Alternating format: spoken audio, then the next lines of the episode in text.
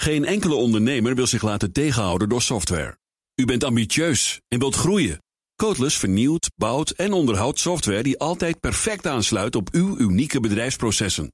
Zodat u de beste software heeft voor uw bedrijf en ambities. Nu, morgen en over 30 jaar. Kijk op slimsoftwarenabouwen.nl. BNR Nieuwsradio. Boekenstein en de Wijk. Hugo Reitsma. Stop de geldpers. Amerika deed het al onder vertrekkend Fed-chef Janet Yellen. Wereldkampioen saai speechen. The economy and the jobs market are generally quite strong.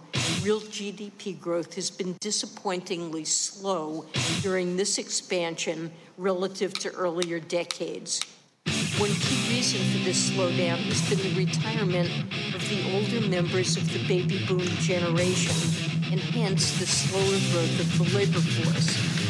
Another key reason has been the unusually sluggish pace of productivity growth in recent years. To generate a sustained boost in economic growth without causing inflation that is too high, we will need to address those underlying causes. Janet Yellen, de enige echte met een deuntje eronder om te voorkomen dat iedereen meteen uh, in slaap valt. Laat Amerika met haar vertrek het tijdperk van de geldpers echt achter zich. En wanneer is Europa zover? Welkom bij Boekenstein en de Wijk op zoek naar de nieuwe wereldorde.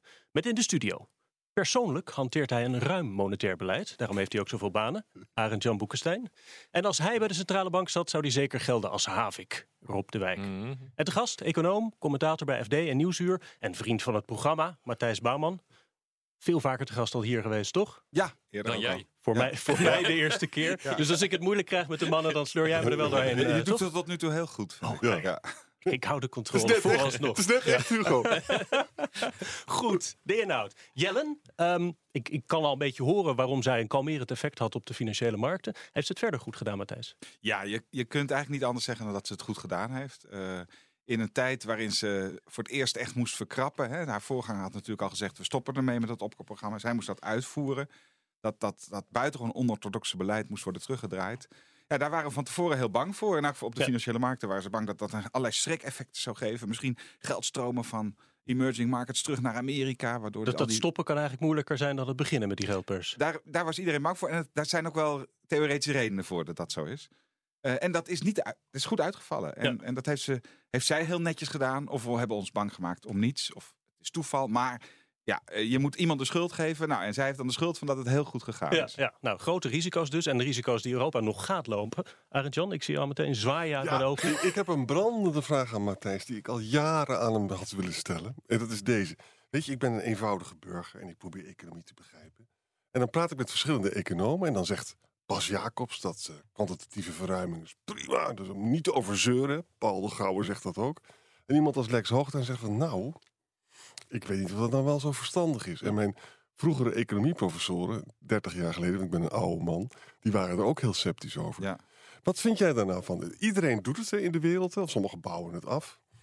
Maar 30 jaar geleden vonden economen dat echt uh, gewoon vloek in de kerk. Nou ja, in Nederland hè, en in Duitsland. Het is, het is niet een. Het is, we noemen het onorthodox uh, instrumentarium, omdat het bijna nooit gebruikt wordt. Maar het is niet dat het, dat het niet in de toolbox zat. Hè. Dat, ook als je naar het Europees Verdrag gaat, kijkt, dan staat het er gewoon eigenlijk al in. Uh, dus economen hebben het er eerder al over gehad. Um, het is heel eng, omdat je weet niet zo goed wat de gevolgen zijn. Je weet niet zo goed hoe je het uit moet zetten, of je dat op tijd doet en of je dan toch niet hele hoge inflatie zult krijgen. Die mensen die dat moeten doen, die weten dat eigenlijk ook niet. Precies, die, dit, die timing is heel moeilijk. Dus dat is al moeilijk met rentebeleid, maar dat is hierbij nog veel moeilijker. En je verstoort alle, opzettelijk allerlei markten en dat weet je ook niet zo goed wat daar de effecten van zijn. Dus ik snap dat je voor kunt zijn, omdat je ziet, zegt van, it's alles of niets nu. Hè. Dit is het moment waarop we alles uit de kast moeten halen. Maar ik snap ook mensen als Lex Hoogtuin die zeggen van ja, uh, het kan ook heel erg ontsporen. Ik heb niet zoveel vertrouwen in de, in, de, in de hand van de monetaire autoriteit. Dus misschien niet doen. En dan is natuurlijk nog het probleem van is het niet stiekem toch ook monetaire financiering? Ben je niet stiekem ook overheden aan het helpen om goedkoop te lenen? Ja, en dat is nog een soort structurele reden waarom je meer algemene zorgen moet maken. Ja, nog even bij dat Amerikaanse te blijven. We krijgen nu een nieuwe meneer Powell. Die is, naar ik begrijp, wel benoemd door Trump, maar geen idioot. Nou ja, hij is, hij is, benoemd, door, hij, hij is benoemd door Obama. Hè, dat, dat Oh, gezegd, ja. nou ja, in, in de, in de, In de board, in de Dus board. In de board, ja. Dus hij was er al. Hij was en er al. hij heeft eh, tot nu toe, daar is iedereen dan heel, wijst iedereen op. Hij heeft altijd meegestemd met Yellen. En dat zijn ook wel tegenstemmers. Hij heeft altijd meegestemd. Dus hij is dan een soort Yellen 2. Eh, maar dat moet zich allemaal nog bewijzen. Het is, het is een man, nou niet met waanzinnig veel ervaring. Komt uit de bankaire sector, maar is advocaat. Is bijvoorbeeld geen econoom. Eh, dat hoeft van mij niet hoor. Maar in Amerika kiezen ze meestal wel voor een hoogleraar economie bijvoorbeeld. Eh, dus het is wel een beetje een, een, eh, een wildcard. Alleen hij heeft zich de afgelopen jaren heel goed gedragen. Dat zou je Ja, kunnen ja. zeggen. Maar dat is Ik zag vrij opmerkelijk wat Rob? hier eh, aan de hand is. Hè? Want Trump die schrijft natuurlijk alles op zijn konto. Ja. De economie die gaat hartstikke goed. Volgens mij staat de werkloosheid op het laagste record van 2000. Eh, de inflatie die blijft onder de 2%. Dus allemaal heel erg goed eh, nieuws. Yellen is hier denk ik toch in belangrijke mate voor verantwoordelijk. Althans, als je de commentaren over haar leest, dan wordt ze op dat punt geprezen. Trump, die eigent dit, zich dit nu toe. Die zegt, nou ja, dat komt allemaal door eh, mijn beleid. En En, beurs, tegelijkertijd gooit hij Yellen eruit. Mede omdat hij Yellen eigenlijk wil vasthouden aan de grote mate van regulering... om ervoor te zorgen dat je niet weer in een financiële crisis eh, terechtkomt. Is hier niet iets heel raars aan de hand op dit ogenblik? Ja, ik denk dat het antwoord Wall Street is. Ja. En de invloed van Wall Street op eh, Trump. Alle Goldman Sachs boys in het kabinet. Ja, en dat is aan de ene kant goed, hè? Want daardoor er gebeuren heel veel. ex- Nou ja, het is erg hè? Als, je dat, als je blij moet zijn met Goldman Sachs eh, mensen. Maar die zorgen er wel voor dat dat economisch beleid geval nog een beetje rationeel blijft. Bijvoorbeeld op handelsgebied. Aan de andere kant, ja, wat willen ze op Wall Street? Lage rente, dus een gul eh, monetair beleid. waar veel geld is. En tegelijkertijd weinig regulering. De Republikeinen, harde kern, die wil weinig regulering. En een streng monetair beleid. Dus als Trump aan zijn eigen achterban tegemoet zou komen, zou die een hardliner moeten, moeten Ja, exact. Nou, dat is precies Maar- wat, waarom ik het vraag. Want, eh, want een van de redenen waarom Yellen eruit is gegooid... en waarom ze geen nieuwe termijn heeft gekregen... is omdat zij volgens mij die zogenaamde Dodd-Frank Ja. Act eh, wilde doorzetten. Dat is dus een, een wet waarin bepaalt dat de financiële stabiliteit... onder andere door regulering en nieuwe instituties Ja. eh, moet worden verstevigd. En ja, het, Maar goed, dat- ik, ik dat- vind het buitengewoon merkwaardig dat, eh, dat dat dus nu onder, eh, onder druk begint te staan. En dat je dus nu eenzelfde iemand eh, krijgt die eigenlijk dit beleid van Jelle doorzet. Nou, maar het dat weet je volgende hè? ongeluk aan het Nee, maar- organiseren maar- zijn. Ja, ja. Nee, maar als Powell wordt vergeleken met Jellen, gaat het alleen maar op het gebied van monetair beleid. Dan wordt gezegd van bij elk rentebesluit heeft hij steeds meegestemd. Dat is wat we weten. We weten helemaal niet of hij niet aan de hand loopt Nee. van, van de dereguleerders in Amerika. En Matthijs, dit is een ontzettend belangrijk punt. Hè? Want de vorige keer is het misgegaan. Links, rechts, groen of geel is het daarover eens. Dat die, die niet-transparante financiële producten... Weet je, die rommelhypotheken, daar hebben ze voor gelobbyd in Borst om het, goed, om het niet te verbieden. Hè? Nou, daar hebben we allemaal shit van gehad, toch? Wij ook, Trump, ja. Trump wil dereguleren. Dan kan je dus zo weer van die nieuwe derivaten, of hoe ze ook allemaal mogen heten. En dat, daar gaan we kapot aan. Nou, je kunt, ik, ik had gedacht dat we er wel iets langer over zouden doen om weer dezelfde fouten te maken. Ja. Maar eh, ja, het is nu tien jaar na de crisis. Ehm, blijkbaar klikt ook, tikt ook die klok tegenwoordig sneller. Want inderdaad, Amerika staat weer op het, aan het punt Ja. van, van deregulering. En die cyclus die gaat, wordt zo wel heel Wat erg is kort. dat toch? Waarom kunnen mensen niet leren van hun fouten? Nee, Wat nee, nee, is nee, dit nee. voor Dit gaat ja, niet te naïef. Het gaat niet om fouten of leren. Het gaat om geld verdienen. Ja. En als je in de financiële sector werkt, dan wil je gewoon geld verdienen. En dat betekent hoge rendementen, weinig Ja, regulering. maar je legt Oh. ook de baas voor een nieuwe crisis. Ja. Dus het is extreem korte termijn gedacht. Ja, dus ik bedoel, de verklaring is Ja. extreem Ja, korte precies. termijn gerichtheid. Maar het verlies leg je bij de belastingbetaler neer. Dat is dus wel gebleken. Dat is wel heel cynisch, Ja. uh, Jan. Ja, maar het is, het is echt waar. En het Nou is ja, verschrikkelijk. De banken hebben wel hun, in Amerika hebben de banken wel hun, hun, eh, hun schulden terugbetaald aan de overheid. Hè? Ja. Vaak met winst. Dus eh, alleen als het misgaat, kun je, ga je in elk geval niet failliet. Hè? Dan kun Ja. je in elk geval de overheid kun je gebruiken als een soort buffer. Ja, de prikkels zitten niet goed. En in Amerika eh, helaas nog erger dan in Europa. Eh, en dit waait weer de verkeerde kant op. Ja, nog een paar prikkels eh, kwamen van Trump tijdens de State of the Union speech deze week. We hebben natuurlijk al die, die belastingverlaging. Eh, maar daarnaast moet er ook nog volgens hem een enorme investering in de infrastructuur komen. Tonight, I'm calling on Congress to produce a bill that generates at least $1.5 trillion to permanently fix the infrastructure deficit, and we can do it. Staande ovatie hier althans van eh, Trumps partijgenoten eh, daar. Matthijs- inclu- zou dat Ja? inclusief die muur zijn aan de grens? Want dat is ook Ook infrastructuur. hè? infrastructuur, Zeker. Gaat dit de economie nog verder aanjagen, Matthijs? Nou, op korte termijn zeker. En op lange termijn ook, denk ik. Op korte termijn omdat het gewoon een bestedingsimpuls is. Ja. Eh, wel op het slechte moment, hè, nu het overal goed gaat. Maar het is wel een impuls. Maar op lange termijn ook. Want Amerika heeft natuurlijk ongelooflijk slechte publieke voorzieningen. Ja. Eh, de- ze hebben dat, dat helemaal laten lopen sinds eh, de jaren zestig. Dankzij al dat beleid van la- kleinere overheid. Dus dit is, dit is ook precies wat, wat Sanders wilde, bijvoorbeeld. Hè? De meest extreme linkse kandidaat tijdens de verkiezingscampagnes. Geld uitgeven aan publieke goederen, aan Ja, maar je zei, je zei net iets interessants. Dat kwam door die ideologie van die kleine Ja. overheid. Maar dat, dat doet Trump ook.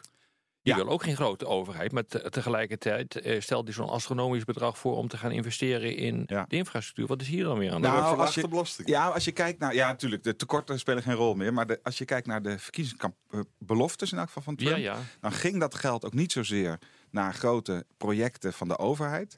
Maar ging het toch vooral naar leuke kleine projecten voor het bedrijfsleven. Dus als je diep kijkt naar die plannen in elk geval. En die gingen natuurlijk niet zo diep. Maar dan zeiden critici van potverdorie. Het is eigenlijk gewoon weer het spekken van het, eh, het bedrijfsleven. Van, Ja. de, van de bedrijven die Maar die die infrastructuur dingen, doen. daarin doet hij dus af en toe ook wel eens wat goeds, als ik je zo Dat hoor. zou kunnen, maar het hoeft niet per se zijn dat er wegen opnieuw worden geasfalteerd. Het kan ook zijn dat er leuke private eh, eh, infrastructuur, in- de, de veerpoot in plaats van de, de publieke brug, dat het, dat het die kant op gaat. En Matthijs, vertel eens, wat betekent dit voor het begrotingstekort? Waar zitten we nu?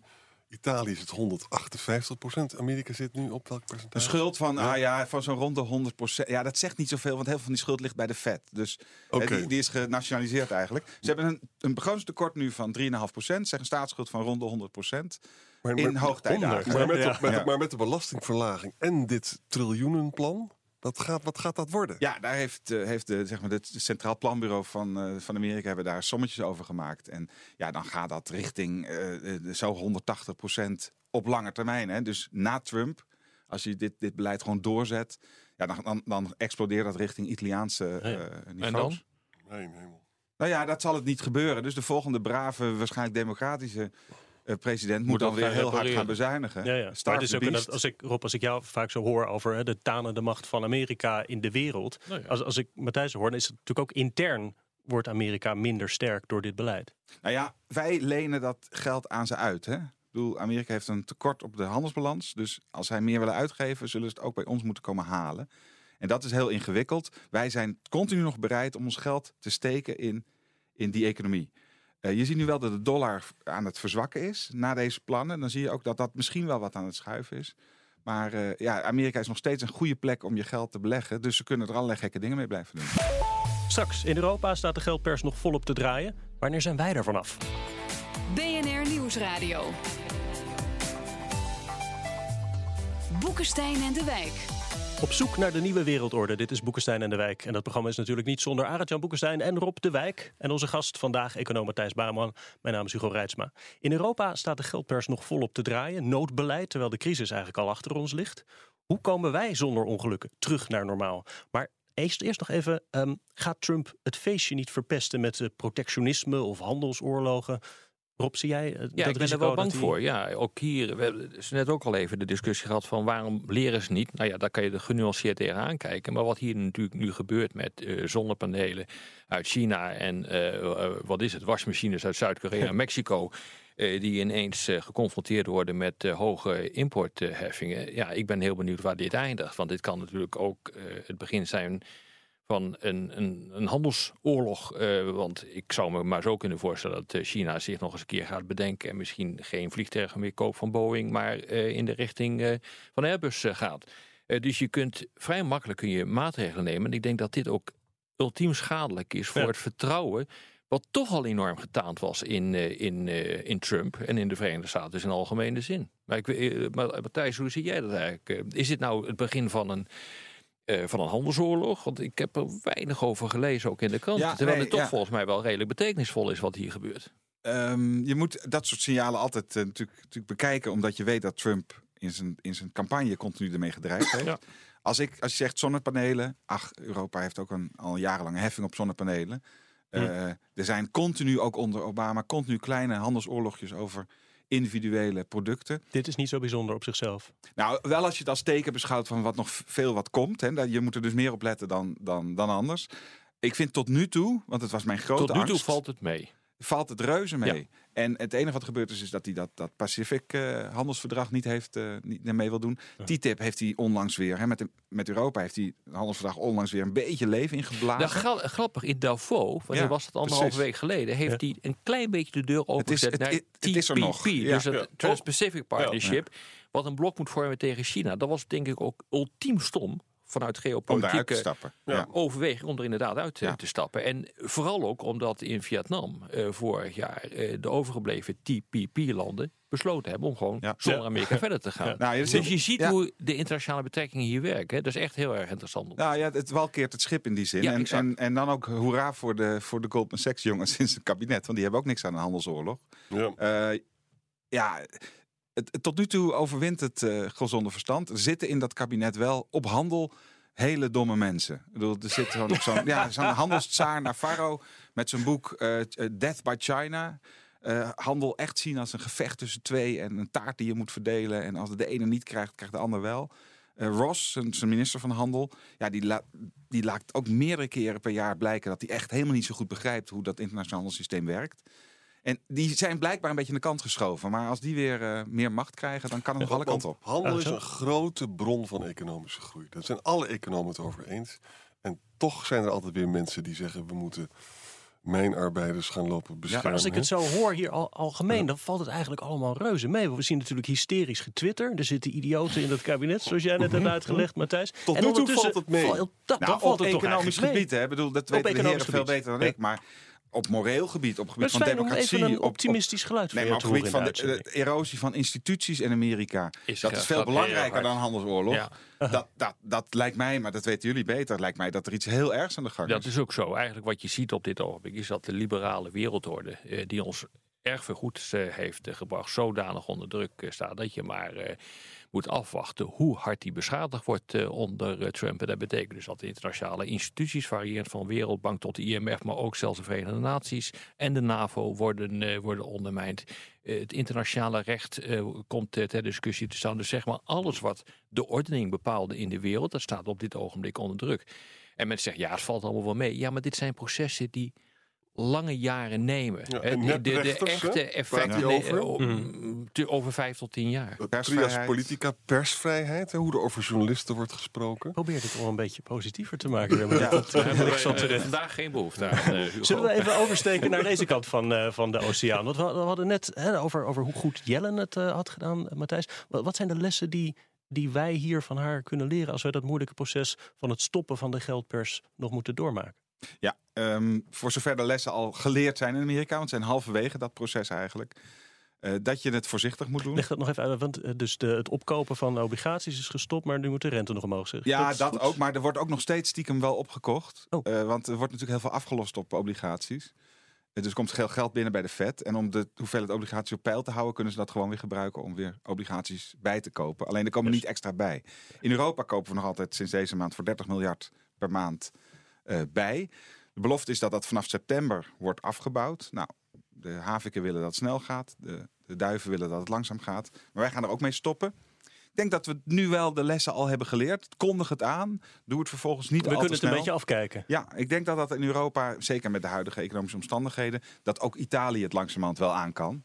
Uh, en, en dat is dan misschien voor Draghi het teken dat het uh, dan maar eens eindelijk is het zover moet zijn. Maar dat, ja. is, dat is een interessant punt. Want, je, want je, dan komt er een relatie met, met Europese samenwerking, Europese integratie ook. Hè?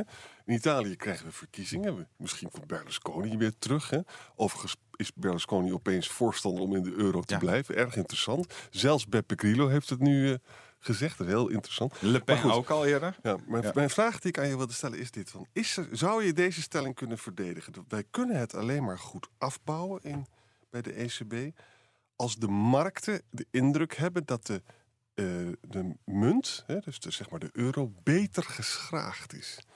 Bijvoorbeeld uh, met uh, allerlei arrangementen dan, dan, praat je bijvoorbeeld zelfs over iets dat, dat sommige mensen vreselijk vinden: de schulddeling hè? Ja. met de nieuwe staatsschuld. Ja. Zou je zo'n zo'n idee kunnen verdedigen? Nou, ik, ja, ik, ik heb daar niet over nagedacht. Ik weet niet of dat verband zo, zo hard is. Dus natuurlijk moet dat, dat europroject is nog maar half af. Er moeten links of rechtsom moeten er allerlei institutionele veranderingen nog komen.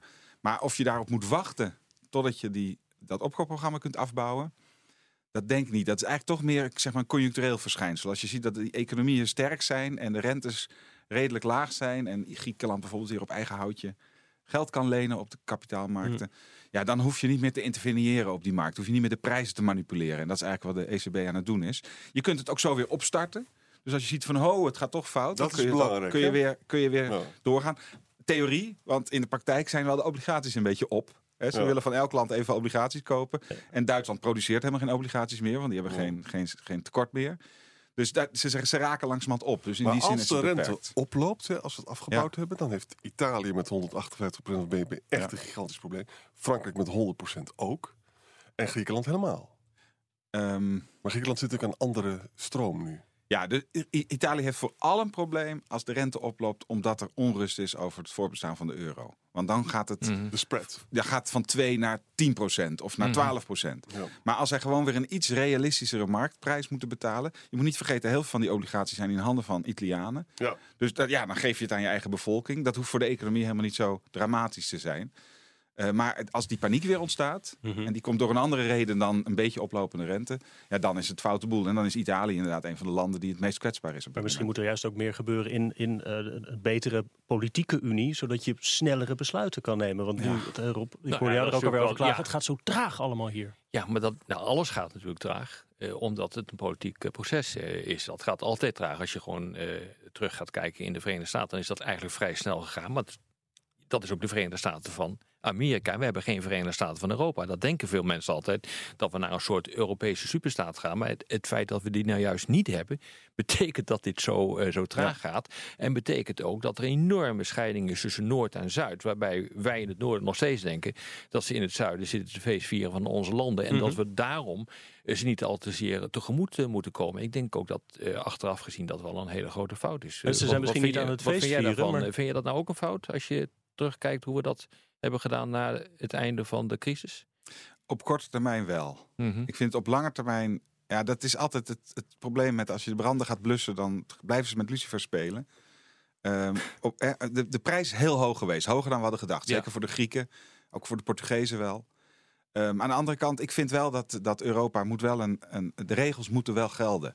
Want behalve het Europese verdrag hebben we niks om op terug te vallen. En als, je, als dat er ook al niet meer is, als dat ook gemarchandeerd kan worden, dan, dan eh, hebben we voor lange termijn wel een probleem. Ik wil nog even één puntje aansnijden. Want eh, in Buitenhof, jij zat er ook, eh, eh, Rob, eh, zat Knot van de ECB. En die zei, in september moet het echt afgelopen zijn met eh, Ja. de geldpers in Europa. Ik denk dat we daar wel naar aanspoelen. En ik denk ook dat se- dat het sentiment in de Governing Council op dit moment is. En dat zou dus ook echt in de ECB aan het schuiven zijn. eh. Ja, nou, we hebben nu de, de, de Oostenrijker, hè, de- even de, de Havik Duivenwatch, de Oostenrijker. eh, de, de Est is geloof ik altijd al een, een super Havik. Ehm, eh, we hebben de- zelfs de, de Fransman, die in de ECB zit, die, die zegt ook van het moet eens voorbij zijn.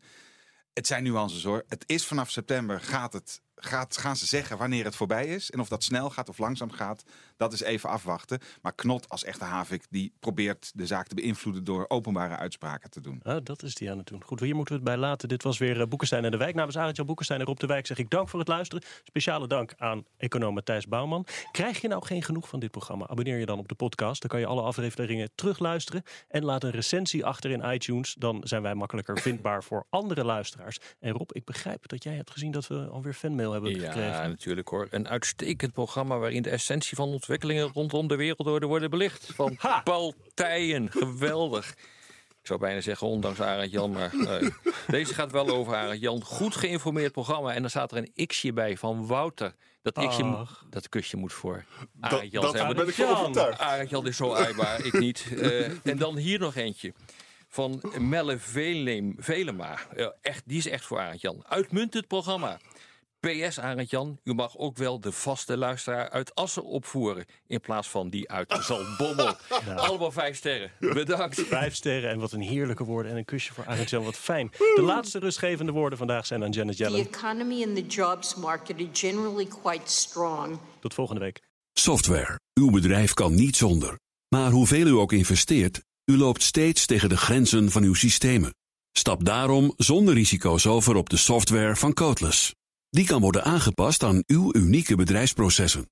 Welke ambities u ook heeft, uw software is er klaar voor. Kijk op slimsoftwarenabouwen.nl.